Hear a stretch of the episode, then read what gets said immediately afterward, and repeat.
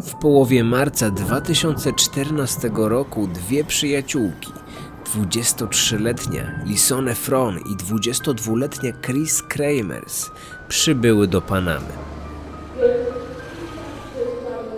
To miała być podróż ich życia. Jednak pobyt w tym kraju zakończył się dla Holenderek tragicznie. Okoliczności zaginięcia kobiet w dżungli oraz ich późniejsza, tajemnicza śmierć nigdy nie zostały ostatecznie wyjaśnione. I choć oficjalnie uznano, że do tragedii doprowadził nieszczęśliwy wypadek, trudno jest się oprzeć wrażeniu, że wersja panamskich władz jest daleka od prawdy. Błędy popełnione podczas śledztwa, nieprzesłuchanie świadków oraz zagadkowe fakty, które podważały oficjalną wersję wydarzeń. To wszystko spowodowało, że pytań w tej sprawie pojawiło się znacznie więcej niż odpowiedzi. Co tak naprawdę wydarzyło się w dżungli? I co zabiło Holenderki? A może kto je zabił?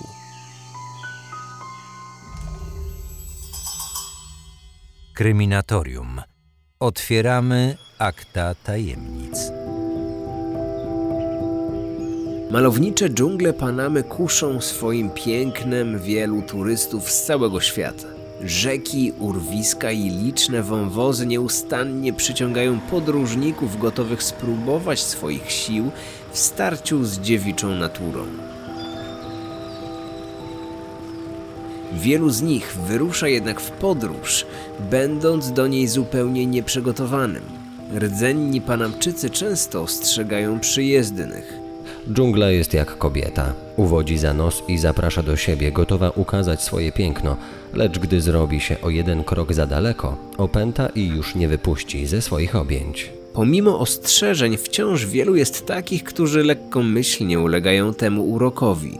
Podobnemu czarowi tej panamskiej przyrody uległy dwie młode Europejki, które swoje wakacje rozpoczęły od dwutygodniowej wycieczki po kraju. Zwiedzanie Panamy zakończyły 29 marca w miasteczku Boquete, do którego udały się w celu rozpoczęcia zaplanowanego wolontariatu. Chciały zrobić coś dobrego dla biednych dzieci i miejscowego ośrodka. Przez miesiąc miały tam pomagać w trudach codziennego życia. Po zameldowaniu się kobiet w umówionym wcześniej miejscu, wolontariuszki zostały poinformowane, że rozpoczęcie ich pracy opóźni się o kilka dni. Lizane i Chris postanowiły wykorzystać więc ten czas na poznanie okolicy, która słynie z kilku turystycznych szlaków prowadzących przez miejscową dżunglę. Wynajęły pokój w domu lokalnej rodziny.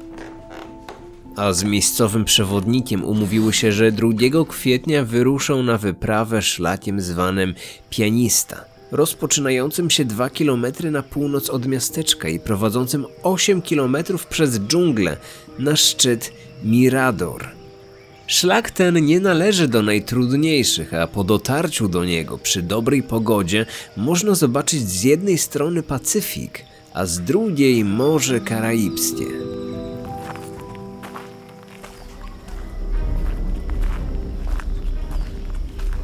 Z niewyjaśnionych do dziś powodów Holenderki wyruszyły na szlak dzień wcześniej, bez przewodnika. Nikogo też nie powiadomiły, że idą samotnie, bez mapy, latarek i kompasu, bez odpowiedniej ilości zapasów wody i jedzenia. Ich jedynym towarzyszem był Azur, pies gospodarzy, u których mieszkały. Decyzja o nagłej zmianie planów okazała się być tragiczna. Nikt nie zauważył, że późnym wieczorem pies powrócił do domu sam, a po Holenderkach nie było śladu. Gdy 2 kwietnia o umówionej porze do domu, gdzie mieszkały kobiety, przybył przewodnik, nikogo tam nie zastał. Najpierw wyruszył na szlak samotnie, a gdy nie odnalazł żadnego śladu Europejek, zawiadomił lokalną policję. Poszukiwania zaginionych dziewcząt rozpoczęły się dzień później. Powiadomiono też obie rodziny, które 6 kwietnia przybyły do Panamy, zabierając ze sobą holenderskich śledczych oraz psy tropiące. Rozpoczęto zakrojone na szeroką skalę poszukiwania terenu, używając do tego celu policyjnych śmigłowców. Rodzice wyznaczyli również nagrodę w wysokości 30 tysięcy dolarów za pomoc w odnalezieniu dziewczyn. Przez kolejne dwa miesiące poszukiwania, prowadzone również przez lokalną ludność i miejscowych przewodników, nie przynosiły żadnego skutku.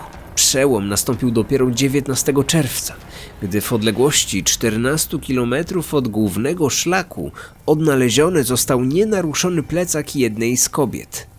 W środku wciąż znajdowały się rzeczy osobiste zaginionych, w tym dwa staniki, butelka z niewielką ilością wody, pieniądze, okulary przeciwsłoneczne, nierozpakowana przekąska oraz dwa rozładowane telefony i aparat fotograficzny. Niedługo później cywilna grupa poszukiwawcza, której przewodził niedoszły przewodnik Holenderek, dokonała makabrycznego odkrycia. Lokalne gazety informowały o sprawie na bieżąco. W pobliżu rzeki na szlaku pianista odnaleziono but, w którym wciąż znajdowała się kobieca stopa. Kilka kilometrów dalej natrafiono na spodenki Lizane Fron, starannie ułożone na dużym kamieniu. Wkrótce znaleziono także połowę damskiej miednicy oraz 33 kawałki ludzkich kości. Badania DNA potwierdziły ponad wszelką wątpliwość, że szczątki należały do poszukiwanych kobiet. Przeprowadzone ekspertyzy nie dały jednak odpowiedzi, co było przyczyną ich śmierci. I był to dopiero początek zagadek.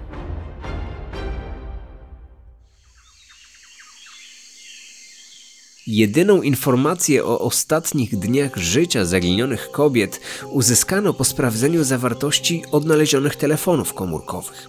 Ale i tu pojawiło się dużo pytań i niejasności. Zbadano też aparat fotograficzny. Podczas trasy Holenderki często robiły sobie zdjęcia.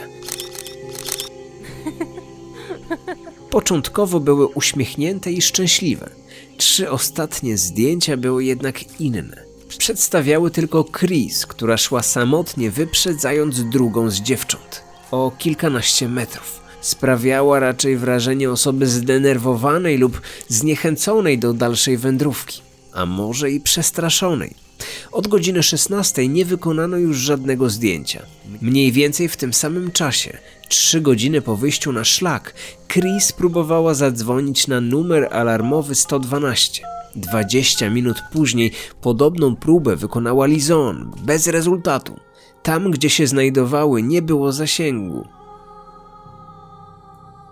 Następna aktywność nastąpiła dopiero kolejnego dnia. Jedna próba połączenia z numerem 112 rano i 3 po południu. Dodatkowo Lizane wybrała numer 911. 3 kwietnia o godzinie 9 Chris ponowiła swoją próbę zadzwonienia po pomoc, która tym razem się udała. Połączenie zostało jednak zerwane przez nią po dwóch sekundach. Od tego momentu żadna z kobiet nie wybrała już numeru alarmowego, a jedynie po południu trzykrotnie włączyły telefony, by sprawdzić zasięg. Przez trzy kolejne dni żadna z zaginionych nie zdecydowała się już na wykonanie połączenia. Eksperci badający telefony odnotowali jedynie kilka prób sprawdzenia zasięgu oraz w dniu 6 kwietnia nieudane próby aktywowania telefonu Chris przez podanie błędnego kodu PIN. Zawsze o tych samych porach, rano i po południu. Kolejna aktywność kobiet miała miejsce 8 kwietnia o dość zaskakującej porze. Pomiędzy godziną pierwszą a czwartą w nocy aparatem Chris zrobiono 90 zdjęć. Tylko kilka fotek przedstawia cokolwiek. Krzaki, jakieś skały, fragmenty nieba, sugerujące, że zaginione dziewczyny znajdowały się głęboko w dżungli, w zupełnych ciemnościach. Reszta z nich jest zupełnie czarna. Dwa zdjęcia szczególnie przykuwały uwagę. Na jednym uchwycono tył głowy, Chris z bardzo bliskiej odległości. Mimo, że od kilku dni padały w tym rejonie ulewne deszcze, włosy kobiety były suche i zadziwiająco czyste, jak na tygodniowy pobyt w dżungli. Na drugim zdjęciu sfotografowano zagadkową konstrukcję wykonaną z gałęzi, do których przymocowano fragmenty czerwonej folii oraz kilka srebrnych opakowań po gumach do rzucia.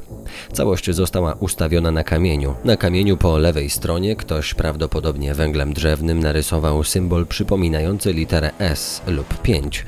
Nigdy nie poznano znaczenia tego symbolu. Po kolejnych trzech dniach, podczas których nie stwierdzono żadnej aktywności, telefon Chris został włączony po raz ostatni. Wtedy całkowicie się rozładował. Ani holenderskie, ani panamskie zespoły kryminalistyczne nie potrafiły podać przyczyn śmierci zaginionych turystek. Wstępna analiza wykazała rzeczy bardzo dziwną. Kości należące do Lisone Fron wciąż miały przyczepioną skórę w stanie rozkładu. Kości Chris były jej całkowicie pozbawione. Sprawiały też wrażenie celowego ich wybielania za pomocą fosforu. Pierwszy raport głównej prokurator Panamy stwierdzał, Z dużym prawdopodobieństwem należy uznać, że kobiety, których szczątki zostały odnalezione w dżungli, padły ofiarą przestępstwa. Sprawa została wstępnie zakwalifikowana jako zabójstwo lub zbrodnia przeciwko nietykalności osobistej.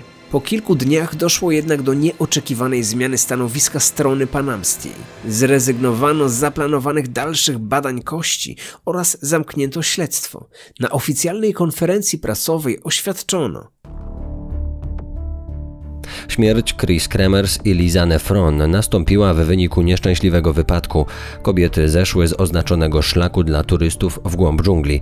Wtedy się zgubiły. Chris Kremers prawdopodobnie spadła z wysokiej skarpy, doznając licznych urazów kostki, uniemożliwiających jej dalszą wędrówkę. Lizanne Fron, próbując wrócić na szlak, również mogła ulec kontuzji, przez co została unieruchomiona. Nie można ustalić przyczyny śmierci zaginionych, ale brać należy pod uwagę kilka scenariuszy utonięcie, hipotermię, zakażenie bakteryjne lub atak drapieżników. Nie odnaleziono żadnych dowodów świadczących o tym, że do śmierci mogłyby przyczynić się osoby trzecie. Stwierdzono też, że fosfor obecny w kościach ma pochodzenie naturalne, a seria czarnych zdjęć wykonywanych w nocy świadczy o próbach oświetlenia sobie drogi bądź odstraszania zwierząt. Szef holenderskiego zespołu prywatnych detektywów Fran van de Hout, który przybył do Panamy razem z rodzicami zaginionych kobiet, nie wierzył w wersję oficjalną. Detektyw najpierw przejrzał wszystkie akta sprawy. We własnym raporcie napisał: Śledztwo strony panamskiej sprawiało wrażenie nieudolnego lub celowego działania przy manipulowaniu dowodami. Zdaniem holenderskiego detektywa coraz więcej poszlak wskazywało na to, że Panamczycy się mylą albo po prostu kłamią. Na odnalezionym w dżungli plecaku stwierdzono obecność 34 różnych odcisków palców, które nigdy nie zostały oficjalnie sprawdzone, mimo że pierwsze doniesienia miejscowych mediów mówiły, że jeden z nich dopasowano do osoby poszukiwanej przez panamską policję. Co więcej, plecak był czysty i suchy, choć przez kilka dni przed jego odnalezieniem obficie padało. Kobieta, która go znalazła, twierdziła, że dzień wcześniej nie było go w tym miejscu. Jej zdaniem ktoś musiał go tam podłożyć później. Nie przesłuchano żadnego ze świadków, których nazwiska umieszczono wcześniej na specjalnej liście. Swoją pomoc zaoferował mieszkający w Panamie holenderski dziennikarz śledczy. Oko Ornstein. Dotarł on do wielu świadków. Jego ustalenia także podważały oficjalną wersję wydarzeń. Rozmowy z lokalnymi mieszkańcami rzuciły nowe światło na sprawę i pomogły ustalić, jak wyglądały ostatnie godziny przed wyruszeniem na szlak. W dzień zaginięcia dziewczyny widziane były w towarzystwie dwóch mężczyzn pochodzących z Europy. Mieli oni namawiać kobiety do zrezygnowania z usług umówionego przewodnika, twierdząc przy tym, że pianista jest łatwy i możliwy do przejścia nawet dla amatorów. Około godziny 13 Chris i Lizane zostały podwiezione do szlaku przez taksówkarza o imieniu Leonardo. Jeden z miejscowych rolników, którego pole znajduje się przy szlaku, był przekonany, że w taksówce widział nie tylko kobiety, ale i dwóch białych mężczyzn, którzy jednak nie wysiedli razem z Chris i Lizane. Taksówka stała w tym miejscu jeszcze przez jakiś czas. Inny świadek zeznał, że godzinę później szlakiem przejechał czerwony samochód terenowy kierujący się w stronę turystek. Za autem tym pojechała również taksówka. Choć informacja o czerwonej terenówce pojawiła się kilka razy w rozmowach z tubylcami, nigdy nie natrafiono na jej ślad. Dziennikarzowi udało się ustalić nazwiska dwóch tajemniczych mężczyzn. Byli to Holendrzy, których dziewczyny poznały już w Panamie. Są oni obecni na zdjęciach zrobionych przez Chris kilka dni przed zaginięciem. Baz Van Lieshout i Edwin Cornelis opuścili Boketę w dniu zaginięcia, ale nadal pozostawali w Panamie. Kilka miesięcy później zarówno oni, jak i taksówkarz Leonardo zginęli w tajemniczych okolicznościach. Oficjalnie popełnili samobójstwo. Holenderscy informatycy na prośbę rodzin zmarłych kobiet sprawdzili odnalezione telefony i aparat fotograficzny. I tu także na jaw wyszły nowe fakty. Ósmym dniu od zaginięcia ktoś próbował odblokować telefon bez kodu PIN, używając jednego ze sposobów przedstawionych na filmie opublikowanym w 2013 roku w serwisie YouTube. Sposób polegał na jednoczesnym wybraniu numeru 112 i przytrzymaniu przycisków blokady. Nieumiejętne przeprowadzenie tej operacji może skutkować zrobieniem zrzutu ekranu lub próbą połączenia z numerem alarmowym. I takich prób było kilka. Dodatkowo odnaleziono w telefonie zapisane w tym czasie zrzuty. Na filmie operacja odblokowania prowadzona jest o godzinie 13.37. Dokładnie o tej samej godzinie miały miejsce nieudane próby odblokowania telefonu Chris. To mogłoby też tłumaczyć, dlaczego próbowano się połączyć z numerem 112 zamiast obowiązującym w Panamie numerem 911. Czy może to oznaczać, że dokonała tego osoba trzecia, a dziewczyny straciły swoje telefony już w dniu zaginięcia? Dziennikarz twierdził, że tak właśnie się stało. Zagadkowe było też odkrycie dokonane podczas sprawdzania aparatu. Okazało się, że brakuje tam zdjęcia o numerze 509. Ostatnie zdjęcie przedstawiające Chris nosiło numer 508, a pierwsze nocne zdjęcie wykonane tydzień później miało numer 510. Eksperci uznali, że nie ma możliwości usunięcia wspomnianego zdjęcia bezpośrednio z telefonu, bez pozostawienia jakiegokolwiek śladu po nim. Eksperyment potwierdził, że aby usunąć wszelkie informacje o zdjęciu, trzeba podłączyć telefon do komputera, którego kobiety nie miały na szlaku. Co przedstawiało usunięte zdjęcie? Czy kobiety sfotografowały kogoś, kto nie chciał być rozpoznany? A może przypadkowo uchwyciły coś, czego nikt nie powinien widzieć? Rodzi się jeszcze jedno pytanie: czy zrobił to ktoś na szlaku, czy może policja podczas przeglądania dowodów? Podobnych wątpliwości było coraz więcej. Nawet rodzice Holenderek, przeprowadzeni szlakiem, gdzie zaginęły ich córki, skarżyły się na dziwne zachowanie miejscowych przewodników i stróżów prawa, którzy sprawiali wrażenie bardzo zdenerwowanych. Na prośbę matki jednej z dziewcząt, aby udać się w miejsce, gdzie znaleziono miednicę jej córki, przewodnicy stanowczo odmówili, a policjanci zaczęli krzyczeć, że akcja poszukiwawcza kosztowała ich 100 tysięcy dolarów, więc jeśli nie chcą ponieść tych kosztów, to lepiej, aby się zamknęli i szli tam, gdzie ich prowadzą. Gdy wrócili do Holandii, matka Chris udzieliła wywiadu w gazecie. Szlak pianista jest tak łatwy do przejścia i tak dobrze oznakowany, że naszym zdaniem nie ma nawet najmniejszej możliwości, aby się na nim zgubić w dzień. Słońce w kwietniu zachodzi tam około godziny 19. Oznacza to, że gdy nasze córki dzwoniły na numer alarmowy, było jeszcze widno. Dziewczyny były bardzo odpowiedzialne. Na pewno nie zeszłyby z oznaczonego szlaku, gdyby nie zostały do tego zmuszone. Tam się nie można zgubić. Co zatem skłoniło dwie młode kobiety do zejścia w głąb niebezpiecznej dżungli? Czy były ciekawe, co kryje się w gęstwinach? A może próbowały przed kimś uciec? Detektyw Van de Hout udzielił w tej samej gazecie innej odpowiedzi. Podczas mojego śledztwa odkryłem, że w ciągu ostatnich trzech lat doszło w tym rejonie do 24 zagadkowych zaginięć młodych turystek. Miejscowi Indianie z plemienia Ngobe z przerażeniem w oczach opowiadali mi o złych ludziach, którzy porywają turystów w dżungli, a potem ich zabijają. Ofiarami padają także lokalni Indianie, a policja w tej sprawie milczy, aby nie wystraszyć przybywających w ten region turystów. Z całą odpowiedzialnością uważam, że Chris i Lizane zostały najpierw porwane, a potem zabite. Warto także odnotować, że ostatni podobny przypadek miał miejsce 17 stycznia 2020 roku, kiedy w pobliżu szlaku pianista znalezione zostały szczątki siedmiu osób. Oficjalnie zbrodnie przypisano grasującej w dżungli sekcie kanibali.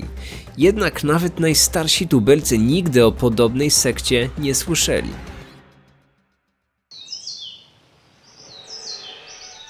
Przez pewien czas głównym podejrzanym w sprawie zaginięcia był przewodnik, z którym były umówione Holenderki. To właśnie on odnalazł zarówno buta ze stopą Chris, jak i pękniętą miednicę. Szczątki spoczywały w miejscach oddalonych o kilkanaście kilometrów od turystycznego szlaku. Policyjne psy podjęły nawet trop prowadzący do opuszczonej w dżungli chaty, gdzie według zeznań świadków przewodnik czasami nocował. Psy zostały wówczas odwołane, a chaty nigdy nie sprawdzono. Po opublikowaniu zdjęcia mężczyzny w kilku telewizyjnych programach w całej Europie na jednym z internetowych forum odezwały się kobiety, które wcześniej korzystały z jego usług podczas wyprawy szlakiem pianista. Internautki twierdziły, że przewodnik raz przedstawiał się jako Fernando, a innym razem jako Filip. Jego zachowanie budziło wiele zastrzeżeń. Świetny przewodnik i doskonale zna okolice, ale na szlak zabiera głównie kobiety z Europy. Wobec mężczyzn potrafi być niemiły i szorstki. Polecam go, ale nie kobietom, które chcą z nim iść same. Gdy odmówiłam jego zalotom, momentalnie się zmienił. Przestał być przyjacielski. W jednej chwili stał się groźny i agresywny. Bałam się i wróciłam ze szlaku sama. Komentarz o sprawie dodała również inna internautka. Na początku był bardzo uroczy i zabawny, ale niedługo po naszym wyjściu zaczął ze mną flirtować. Dotykał moich dłoni, ramion i nóg, nawet wtedy, gdy zażądałam, aby przestał. Miał przy sobie dużą maczetę i raz nawet powiedział, że odetnie mi nogi, żebym nie mogła przed nim uciec. To oczywiście był żart, ale sami wiecie. Widać było, że ma obsesję na punkcie kobiet z Europy. Bałam się jak cholera i dzięki Bogu udało mi się wrócić cało do domu. Także inni przewodnicy z Bokete nie mieli o nim dobrego zdania. 32-letni John Tornblom, przewodnik z 10-letnim stażem w rozmowie z holenderskim dziennikarzem stwierdził: Niektóre z moich klientek skarżyły mi się, że facet je nękał. My, przewodnicy, trzymamy się razem, ale Fernando zawsze był z boku, nie chciał rozmawiać.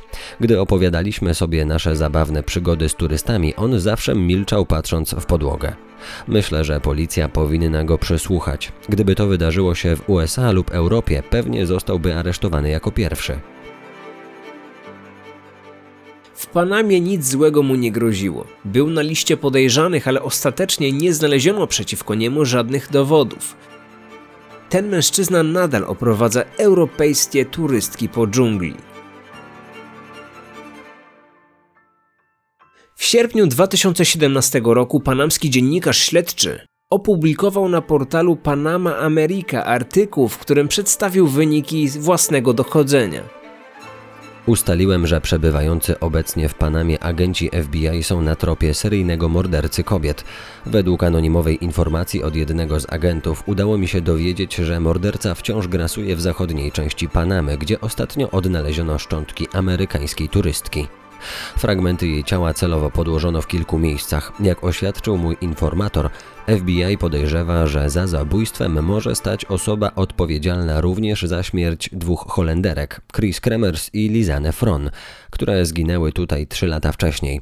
Wiem też, że władze Panamy robią wszystko, aby przeszkodzić agentom federalnym podczas ich pracy. Zamiast rozwiązania są wątpliwości, zamiast dowodów jest mnóstwo pytań, które wciąż czekają na odpowiedź. Póki co śledztwo FBI wciąż się oficjalnie nie skończyło. Tymczasem kobiety dalej giną w okolicach Bokete. Coraz mniej osób związanych ze sprawą zaginięcia i śmierci holenderskich turystek wierzy, że kobiety uległy nieszczęśliwemu wypadkowi. Po opuszczeniu Panamy przez holenderskich śledczych, lokalni mieszkańcy nabrali wody w usta. Nie chcą z nikim rozmawiać na ten temat.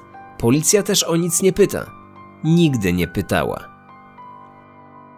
Kryminalne śledztwo panamskich służb w sprawie potencjalnego zabójstwa Chris Kremers i Lizanne Fron już dawno zostało umorzone z braku jakichkolwiek dowodów, że nie był to nieszczęśliwy wypadek.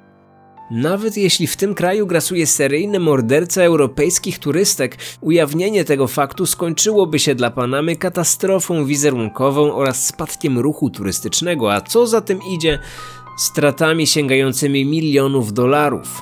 A do tego panamskie władze starają się nie dopuścić za wszelką cenę.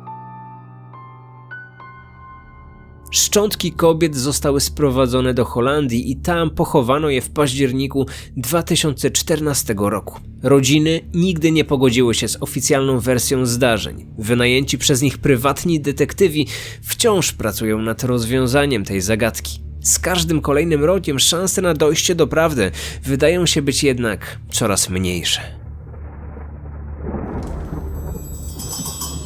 Kryminatorium. Otwieramy akta tajemnic.